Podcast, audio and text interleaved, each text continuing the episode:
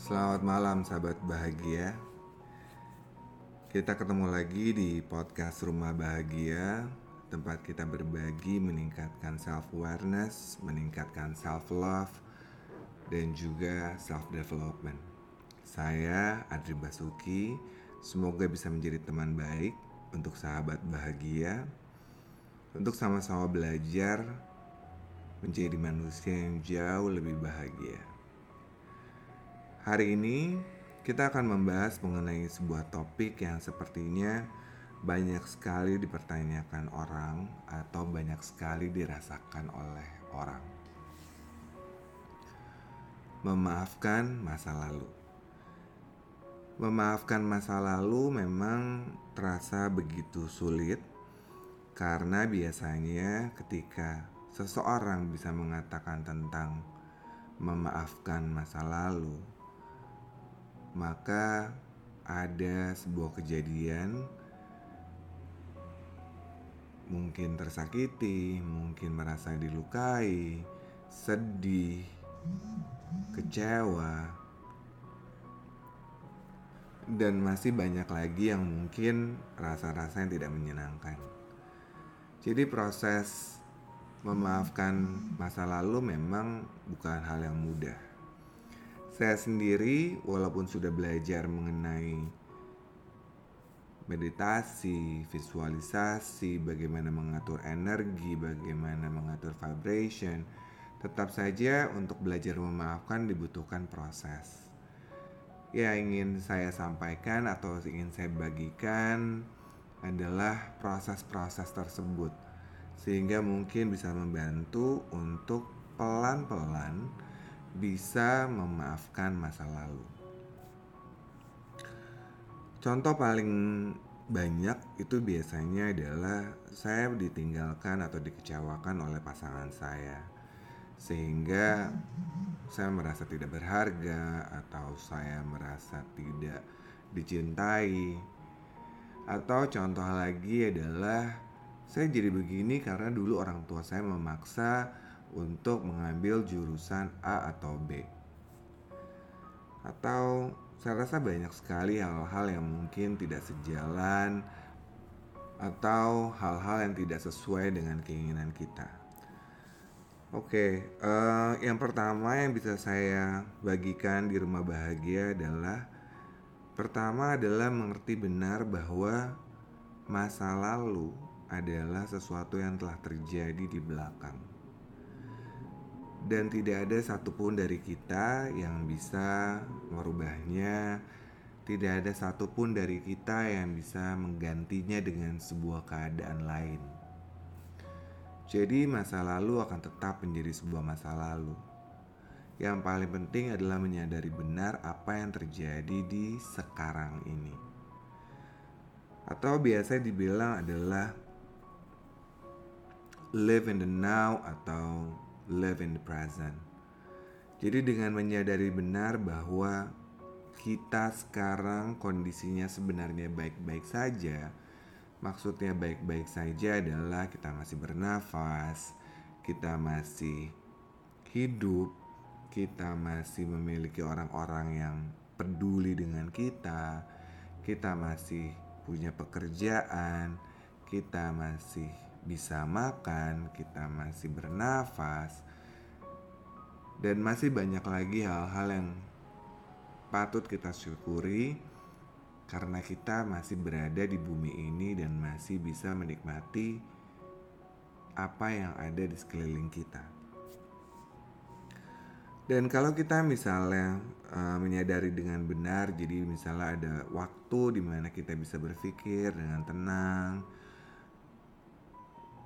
memikirkan apa yang sebenarnya terjadi, kemudian kembalilah kepada ke saat itu. Jadi di saat ketika kita benar-benar merasa bahwa saya sedih karena masa lalu saya, saya tidak bisa memaafkan masa lalu saya. Sadari benar itu hanya perkataan dan pikiran kita. Tapi sebenarnya diri kita baik-baik saja. Kita bisa mengatakan itu karena kita masih sadar benar kita masih bernafas, kita masih hidup. Jadi, sadari benar bahwa menikmati yang sekarang menikmati ketika kita berada saat ini adalah berkah dari Tuhan yang luar biasa.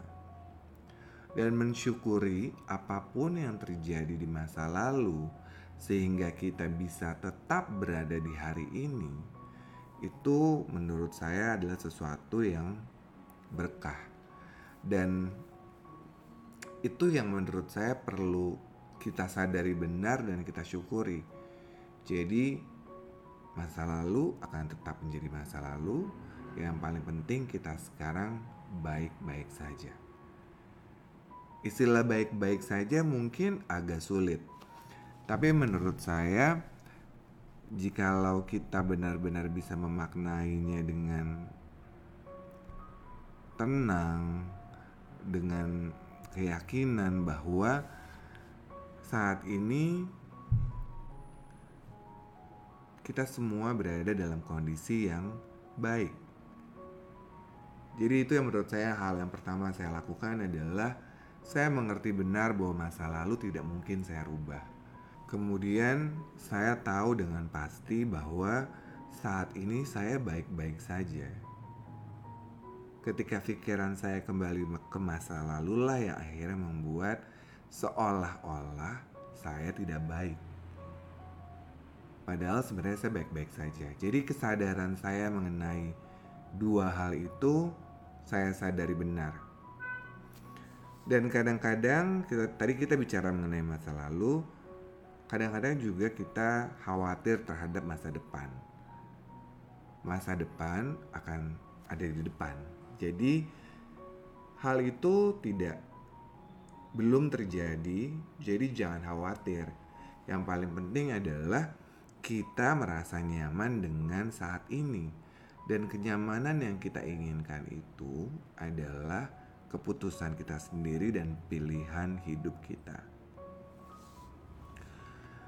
Nah, dengan mengerti mengenai masa lalu, kemudian mengerti bahwa saya harus hidup di saat sekarang ini, yang berikutnya adalah tentang bagaimana memaafkan.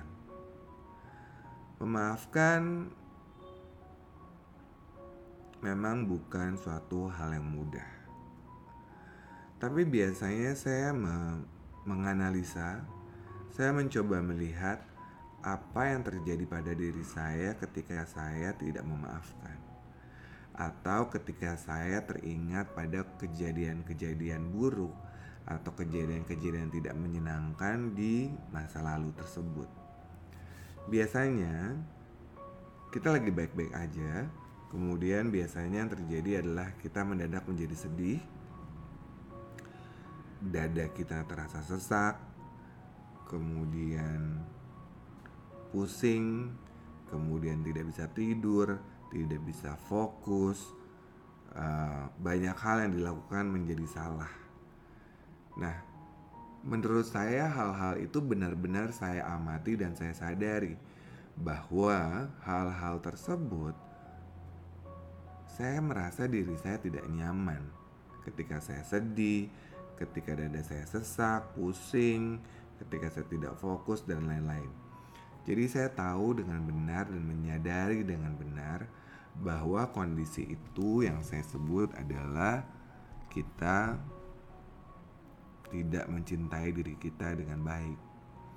Karena ketika kita mencintai diri kita dengan baik, kita tahu benar bahwa rasa-rasa itu tidak perlu ada karena kita jadi lebih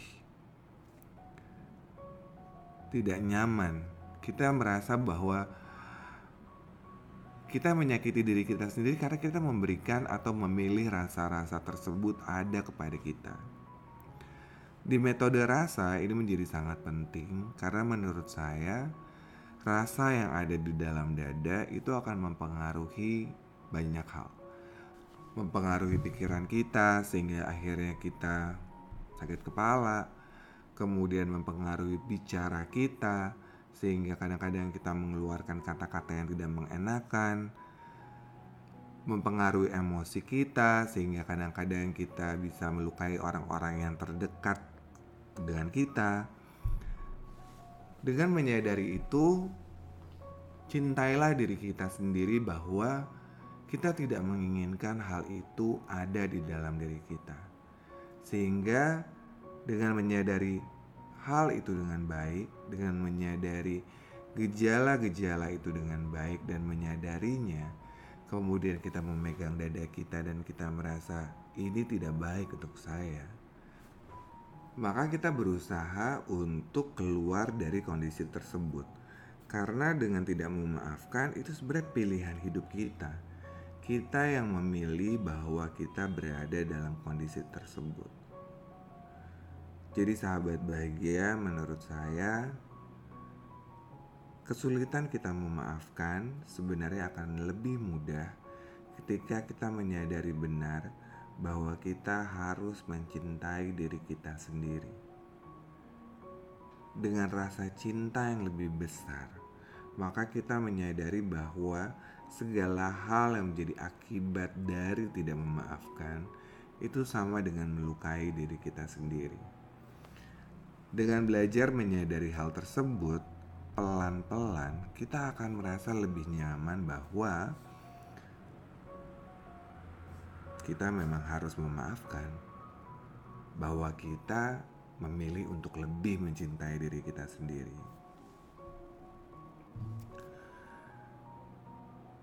Setelah itu adalah kadang kita selalu menganggap bahwa kita adalah korban atau kita adalah produk akibat. Menurut saya, yang penting harus kita lakukan adalah selain tadi, hal-hal yang tadi sudah saya sebutkan adalah kita memaafkan diri kita bahwa pada saat itu, di waktu yang lalu, kita membiarkan diri kita berada dalam kondisi tersebut. Maafkanlah diri kita bahwa saat itu kita tidak berdaya. Maafkanlah diri kita pada saat itu mungkin kita memilih pilihan yang salah. Maafkanlah diri kita bahwa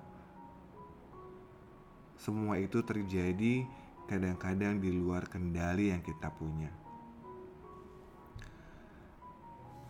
Dan dengan memaafkan diri kita, maka kita mencoba untuk berdamai dengan diri kita sendiri. Kita mengerti bahwa kita memang bukan manusia yang sempurna, bahwa kita memang perlu belajar dalam hidup, bahwa kita harus menjalani apa yang terjadi di masa lalu yang akan membuat kita sampai dengan hari ini. Jadi, menurut saya itu yang paling penting. Yang pertama adalah mengerti bahwa masa lalu adalah masa lalu, tidak bisa dirubah. Semua sudah terjadi, Kemudian kita mengingat kepada masa sekarang bahwa kita baik-baik saja, bahwa kita sudah memulai hidup kita yang baru. Kemudian kita mengerti bahwa dengan lebih mencintai diri kita sendiri, maka kita bisa menghilangkan atau mengurangi efek dari rasa-rasa tidak memaafkan tadi. Kemudian yang paling penting adalah Mari belajar memaafkan diri sendiri bahwa ada hal-hal yang kadang-kadang atau sering kali tidak bisa kita kontrol di waktu itu. Karena kondisi kita, keadaan kita mungkin tidak sekuat yang sekarang. Dan tentunya proses ini tidak bisa dilakukan hanya satu kali.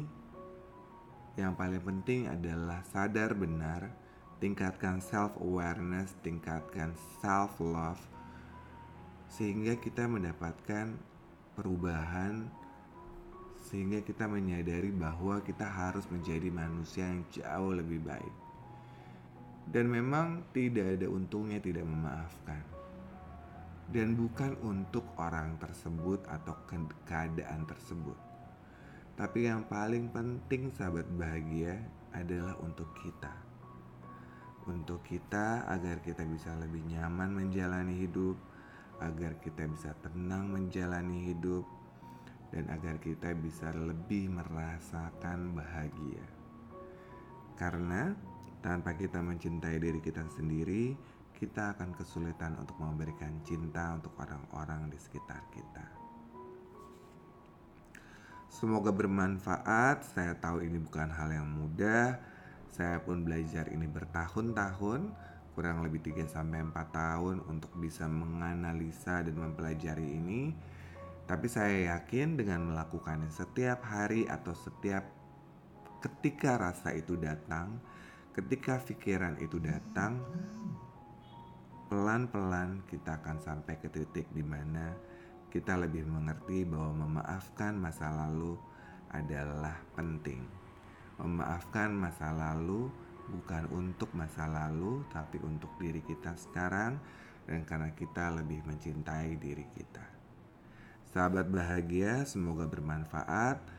Sampai bertemu lagi di podcast Rumah Bahagia berikutnya. Saya Adri Basuki, terima kasih atas waktu, terima kasih atas perhatian, dan terima kasih atas kebersamaan kita.